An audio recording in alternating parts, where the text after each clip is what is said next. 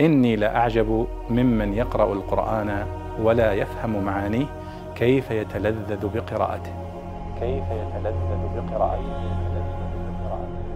يسأل سائل عن قوله تعالى في سورة محمد إن يسألكموها فيحفكم تبخلوا ويخرج أضغانكم.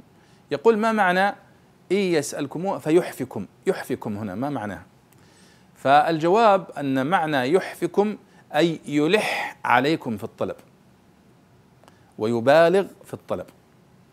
إن يسألكموها فيحفكم أي يلح عليكم في السؤال ويجبركم على الاستجابة تنفضح سرائركم هنا عند ذلك.